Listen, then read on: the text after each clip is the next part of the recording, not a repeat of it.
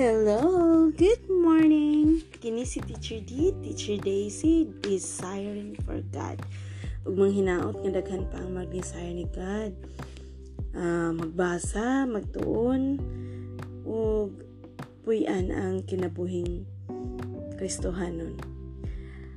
Usa ta magsugod, magampo kita sa ngalan samahan sa anak sa Diyos. Talagad nga Diyos sa mga mahan daghang salamat. Ining panahon nga magihatag ka namo. Ug ginaot paunta nga kami kami ug kauban sa namati karon. I-bless ang iyang kasing-kasing yang una-una. Nga kaming duha magkayusa sa imong pulong amo usabihang nyo ah uh, pamation ang among pagampo bahin sa COVID pandemic intention. Ngayon ta, ang matested karong adlaw man negative ug kon panalitan ma positive, mamahimong ta sila magmalig-on kanimo sa ilang pagdawat sa pagsubay sa kinabuhi.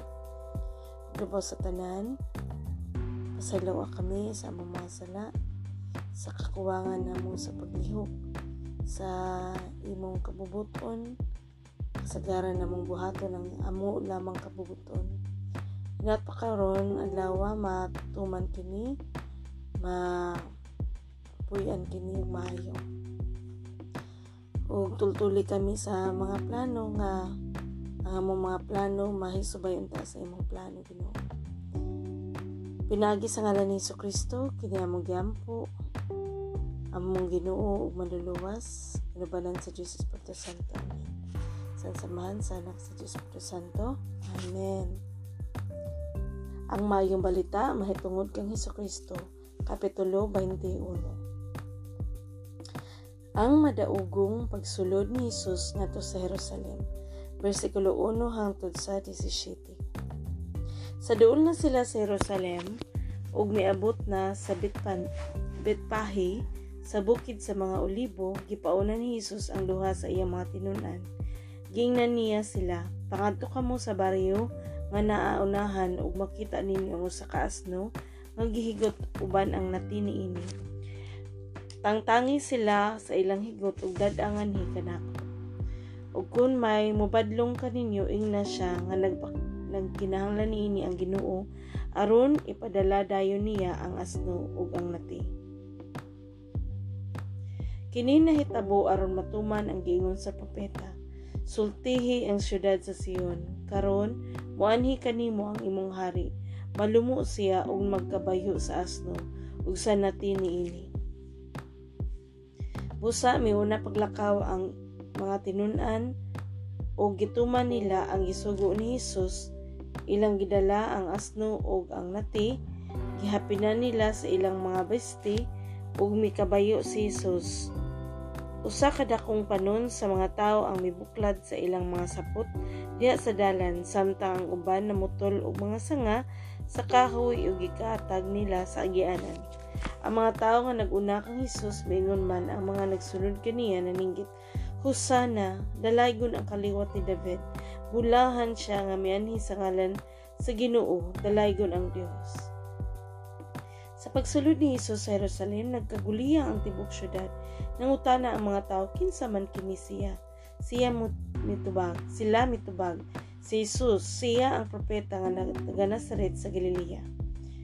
Kapitulo 21, versikulo 1 hangtod sa 11. Miadto si Jesus sa templo, versikulo 12 hangtod sa 17. Unya si Jesus misulod sa templo ug gipapahawa niya ang tanan nga namalit ug namaligya didto ug gipat ipangtuwad niya ang mga lamisa sa mga tigkambyo o kwarta o ang mga tig lingkuranan sa mga nagbaligig sa lampati. Siya mingon kanila nasulat sa kasulatan nga ang Dios mingon ang akong balay paganganlag balay alampuanan. Apan gihimo ninyo kining ataguanan sa mga tulisan. Ang mga buta ug mga bakul miduol kaniya dito sa templo ug giayo niya sila nangasuko ang kadagkuan sa mga pari ug ang mga magtutudlo sa balaod sa pagkakita nila sa katingalahang mga buta nga iyang gibuhat nangasuko usab sila sa mga buta mga bata nga dito sa sulod sa templo nga naninggit dalaygon ang kaliwat ni David Busa mingon sila kang Hesus, nakadungog ka ba sa ilang gisulti? Si Hesus mitubag, Oo, nakadungog ako. Wala ba di ka mo makabasa nini bahina sa kasulatan nga nagingon? Ang mga bata ug ang mga masuso gibansay mo sa paghalad ug hingpit nga pagdahig kanimo. Unya mibiya si Jesus kanila ug migula sa syudad paingon sa Betanya ug dito siya mipahulay sa pagkagabi. Gitunglo ni Jesus ang kahoy igira. Versikulo 18 hangtod sa 22. Sa pagbalik ni Jesus paingon sa syudad niya ng pagkabuntag gigutom siya. Sa dapin sa dalan nakakita siya usa ka kahoy igira. Miduol siya niini apan wala siya nakitang bunga kung dili mga dahon lamang. Busaging na niya ang kahoy dili ka na gayud mamunga. O diha-diha nalaya ang igira. Nakakita niini ang mga tinunan o mahibulong sila. Nangutana sila nganong nalaya man dayon ang igira?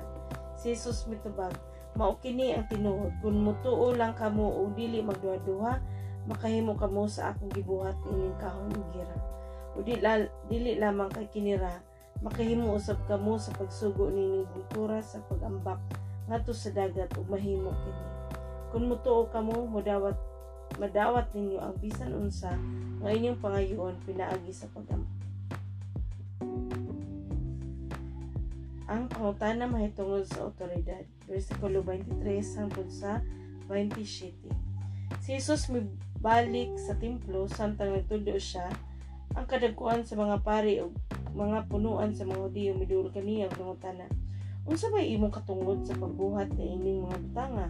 Kinsa may naghatag kanimo ni ining katungura? Si Jesus mitubag kanila mangutana ako kaninyo og usa lang ka butang ug kun makatubag kamo tug-anan ko kamo sa akong katungod sa pagbuhat ni ining mga butanga diin man gikan ang katungod ni Juan sa pagbunyag gikan ba sa Dios o gikan ba sa tao Itimbang-timbang nila ang ilang itubag kaniya. Mingon sila, unsa may ak ato itubag? Kung miingon kita gikan sa Dios, mingon siya kanato. Nga nung wala man lagi ka mumutuo kang huwan. Pag kung maingon kita gikan sa tao, mahadlok usab kita kung unsay buhaton unya sa katawhan kay sila rabang tanan gut nga nagtuo si Juan usa ka propeta. Busaging na nila si Jesus, wala kami masayon.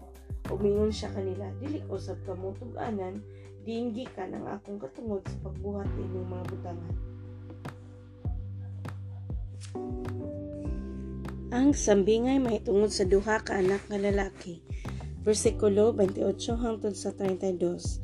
Karon unsa may inyong hunahuna? Dihay tao nga may duha ka anak ka lalaki, miadto siya sa magulang ug iyang giingnan dong. Trabaho karong adlaw dito sa parasan. Mitubag siya, dili ko mo trabaho. Apan nausab ang iyang unahuna ug miadto siya sa parasan. Unya nga mahan miadto sa manghod ug mao gihapon ang iyang giingon kaniya. Oo, moadto ako. Mitubag siya apan wala siya moadto. Kinsa man sa duha ang mituman sa buot ipabuhat sa mahan. Sila mitubag ang magulang Unya si Jesus mingon, sultihan ko kamo, ang mga kobrador sa buhis ug ang mga dawtang babay, una pa makadawat sa panalangin sa paghari sa Dios kay kaninyo. Kay mianhi kaninyo si Juan nga magbubunyag, aron pagtudlo sa matarong nga pagkinabuhi, apan wala kamo mutuo kaniya. Ang mga kobrador sa buhis ug ang mga dawtang babae noon mao mituo kaniya apan kamo bisag nakakita na mo niini wala gihapon maginulsol o mutuo. Ang sambingay mahitungod sa mga saot. Versikulo 33 hangtod sa 46. Si Jesus mingon pamati kamo og laing sambingay. May usa ka tawo nga yutaan nga nagtanom og mga paras Gikoral niya kini og nagkalot siya lungag nga gi kanan sa ubas ug nagtukod siya pasilungan pasilunganan sa gwardya. Unya gipasaupan niya ang iyang paras parasan ug milangyaw siya. Sa tingpang mupo na sa ubas gipadala niya ang iyang mga ulipon ngadto sa mga saop aron pagkuha sa iyang bahin. Apan gidakop sa mga saop ang mga ulipon, Gibunala nila ang usa, ang usa ilang gipatay ug ang lain pagayod ilang gibato. Unya gipadala na usab sa tagiya ang laing mga ulipon nga labaw pa kadaghan kay sa unang gipadala ug mao gihapon ang gibuhat sa mga saop kanila sa katapusan gipadala niya ang iyang anak. Mingon siya sa walay duha-duha tahuron gayon nila ang akong anak. Apan sa dihang nakita sa mga saop ang anak naging nanay sila. Ania ang anak sa tagiya tana patyo nato siya ug maato na ang parasan. Busag gidakop nila siya. Unya gidala nga sa gawas sa parasan ug gipatay. Karon ini gabot sa tagiya unsa may iyang buhaton sa mga saop Ngutana si Jesus.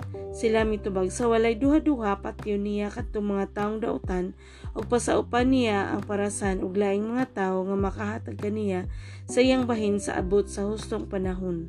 Si Jesus mingon kanila, wala ba kamo makabasa sa gingon sa kasulatan? Ang bato nga gisalikway sa mga magtutukod kay kuno walay kapuslanan nahimo hinuong bato nga labing mapuslanon. Buhat kini sa Ginoo ug kahibulungan gayud kini. Umidugang pagsulti si Jesus, busa sultihan ko kamo nga ang mga panalangin sa paghari sa Dios kuhaon gikan kaninyo ug gihatag ngadto sa mga tawo nga makahatag ug maayong mga bunga. Nakabati ang kadagkuan sa mga pari ug ang mga parisiyo sa mga sambingay ni Hesus ug nasabtan nila nga sila ang gipasabot ni Hesus. Busa na ninguha sila pagdakop pa niya at panahadlok sila sa mga tao nga may kang Hesus nga usa ka propeta. Mao kini ang pulong sa Ginoo. Okay, so sa may mga pulot sa atong na-learn kada kada story. So amadag ugong pagsulod ni Jesus ngadto sa Jerusalem. Ang akong pinaka-highlight niya nino gawa sa mingon ang mga bata nga nagsinggit ang mga tao nga usana dalaygon ng kaliwat ni David. Ulahan siya nga miani sa ngalan sa Ginoo dalaygon ang Dios. Kaning pagsugo ni Jesus ngadto sa iyang duha ka tinunan kung may mubadlong kaninyo ingna siya nga nagkinahanglan ni ini ang Ginoo aron ipadala dayon niya ang asno ug ang nati. So git giingnan siya nga pangadto kamo pagkuha og uh, asno. Mm-mm. Nga kinahanglan no kanang nay mga patik sa kasulatan sa New Testament nga makonek nato sa Old Testament. Hmm, mga kasulatan nga nagpakita gay nga si Jesus mo gyud ang giingon nga Mesiyas nga gihuwat. Hmm, dili lang sa mga Hudiyo, labaw na sa tanan sa mga dili Hudiyo pareho nato. Ngarita sa miyato si Jesus sa templo. Mm Ayo kalimot na to ha, ang ayang balay, nganlan og balay, alampo, anan. So dito magampo gayo.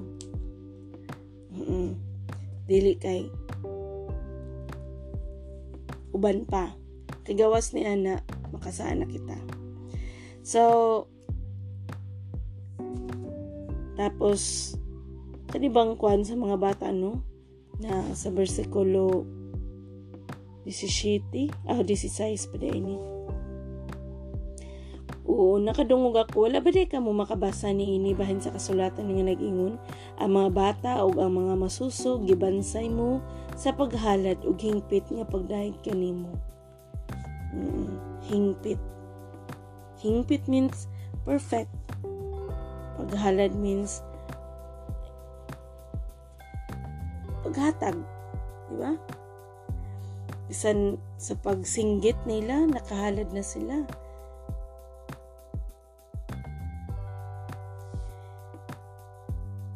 sa pag-istorya pa lamang naghalad na sila. So, dapat din nato kawangon na nga itong pag-istorya bahin sa ginoo. Oh, kay ang ginoo mismo may kaila sa itong mga kasing-kasing. Hanita sa gitong ni Jesus ang kahon igira. Sa lesson nato nini. Diri kay kanap itong kahoy no, nga pagaman dapat mabunga gyud siya niya wa siya mabunga. Nga gipang himaraot sa Ginoo murag gi gimalisyon. Um, dili gid ka nagayod mamunga. Diha diha nalaya ang igira so kung nakabati ta sa pulong sa Ginoo nga naa mga positive makahunong siya sa hangin sa balud. Kani pud oh namatay dayon ang igira. Nga mingon gud si Jesus dinhi particular nga kung mutuo ka mo nasa 22 kung mutuo ka mo madawat ninyo ang bisan unsa nga inyong pangayoon pinaagi sa pag ampo so importante ang pag-ampo. Inubanan ang dakong pagtuo Narita sa ang pangutana mahitungod sa otoridad ni Jesus. Sa may lesson learn na to niya ni. Diin man gikan. Um, kano bitang uh, ako po idalikat lang nako kung self nga experience ba. Ano nang utana nga naman sige man ka og post o mga verses. Nga no. So, lami po dahil ningin ani nga ipangutan, diin man gikan ang katungod ni Juan sa pagbunyag Gikan ba sa Dios o gikan ba sa tao? Kay wa kung kuan wala ko ini og mga tao nga uy pag pag pag share Bible verse no? At pag share about sa pulong sa Ginoo. Pero hingabot lang gid siya sa akong life nga sa akong prayer time with my with our God. Kung pareho man ta nga nagsunod na sa kabubuton sa Ginoo. Nga kuan kanang di ba sa Facebook ato lang makita na ay nag-away na ay mga pulong nga mga problema nga mga kuan diri bisang unsa na lamang. Tapos ang hingsang tup sa akong kasing-kasing mingon ang Ginoo diri sa akong kasing-kasing nga ipasamwak ang iyang pulong. Oo nga na sa Facebook. Kay ang mga tao karon sige lang Facebook. Oo So, ang akong reflection niya ni bitaw no. Kani akong free time tungod kay wa malagi tay ako tuod ing si teacher di nga way anak. Oo, pero dili wala na ko siya ma-feel nga kakuwangan kun dili nahimo siya na akong blessing kay nga nung na blessing kay ngun ko nga hala no kay kung mamatay ko ah, wala ko ikaawilan na ning kalibutan ha. But actually karon I am willing to die kung, kung kuhaon ako sa Ginoo ay am willing. Kay wa kawilan sa ahong pamilya. Um, okay na okay na ko. Yung pa. Uh, sa uh, ako nga ni dali-dali na lang kumulakat kung munay mulakat lakat. Kay wa man tay kabilinggan nga kung anon um, pa. Kaning atong nakitaan sa kalibutan mga essential pero ang essential sa atong spirit kinahanglan ready na ta. Oo. Nya nang hinaot ko nga daghan pa ang ma-ready. Oo. Ready dili siya mahimong ka kaawilan nato ang atong pamilya kundi mas ready ta sa pag kuan pagtuon diha sa Ginoo. Mao nga I am really happy nga sa mga circumstances sa akong kinabuhi labi na sa akong kaminyoon nga mas naligon pa ang akong paglaom, pagtuo ug paghigugma sa Ginoo kanang tulo. No? Kanang dili siya pwede nga pataphaw lang. Kay particular gud si God nga unsa iyang gustong mahitabo nato. Isip mga hintuo niya. Dili enough nga hintuo lang ta kun dili kinahanglan naglihok ta nga ng tuo niya.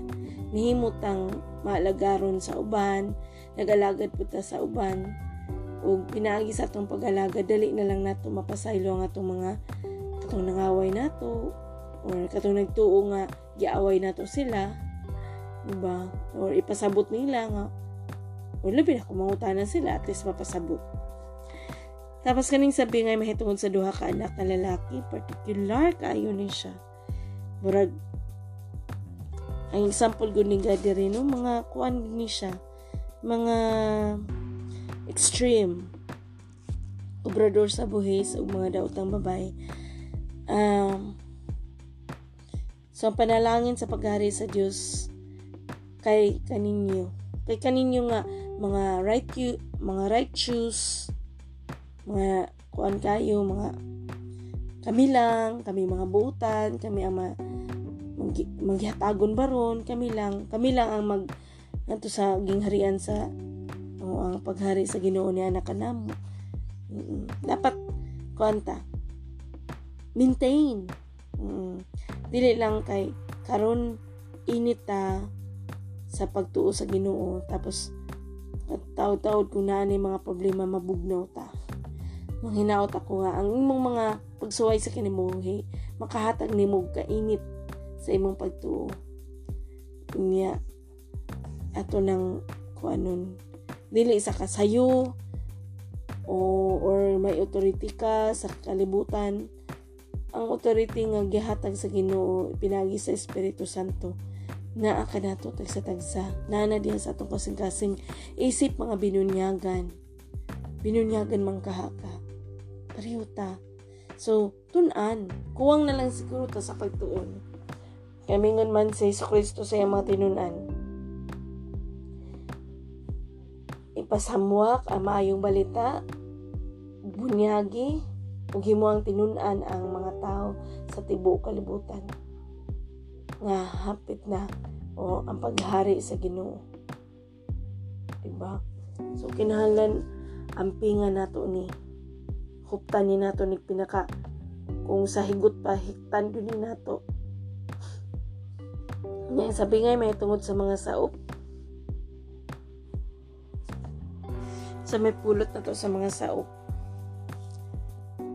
Ang ako lang dire ang part nga ang anak. So ang mga propeta nga ipadala sa Ginoo para makakatun ta sa iyang pag sa pagtuo ug paglaom diha niya. Oo. Nga nagpabilin kitang matarong sa pagkinabuhi ug ang pagtuo maoy atong sinugdanan sa atong pagmakamatarong tuo sa ta tuo sa ta nga Ginoo tapos nagpabilin tang matarong. Tapos kani nga kinahanglan atong ligunon ng atong pagtuo kay dili siya ingon nga nalim. Dili po nilalim dili po nadali busa ngari sa 43 ang panalangin sa paghari sa Dios kuhaon gikan kaninyo gihatag ngadto sa mga tawo nga makahatag og maayong mga bunga. Particular si God si Jesus Christ sa maayong bunga. So kumusta man ang atong mga grupo nga nakahimo bang maayong bunga o kinahanglan mabungahon kita kaya tingaling mapareho ta sa kahong gira nga malaya. Ipanghimaraot sa ginoo. Gusto ba ta nga panghimarauton sa ginoo?